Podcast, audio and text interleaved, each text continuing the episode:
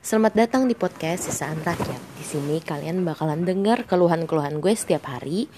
Contohnya keluhan soal hidup gue, keluhan soal temen gue, kakak gue, adik gue, saudara gue, tante gue, nyokap gue, bokap gue, kakek gue, nenek gue, dan semuanya tentang gue.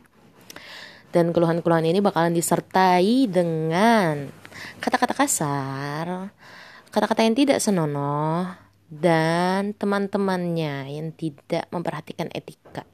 Karena di sini adalah akun sampah rakyat jelata seperti saya, jadi saya harap Anda, para rakyat dan netizen yang terhormat, tolong dengarkan dengan baik jika ingin mendengarkan dan enjoy podcast ini sama seperti saya yang enjoy untuk membuat kalian semua merasa kesal.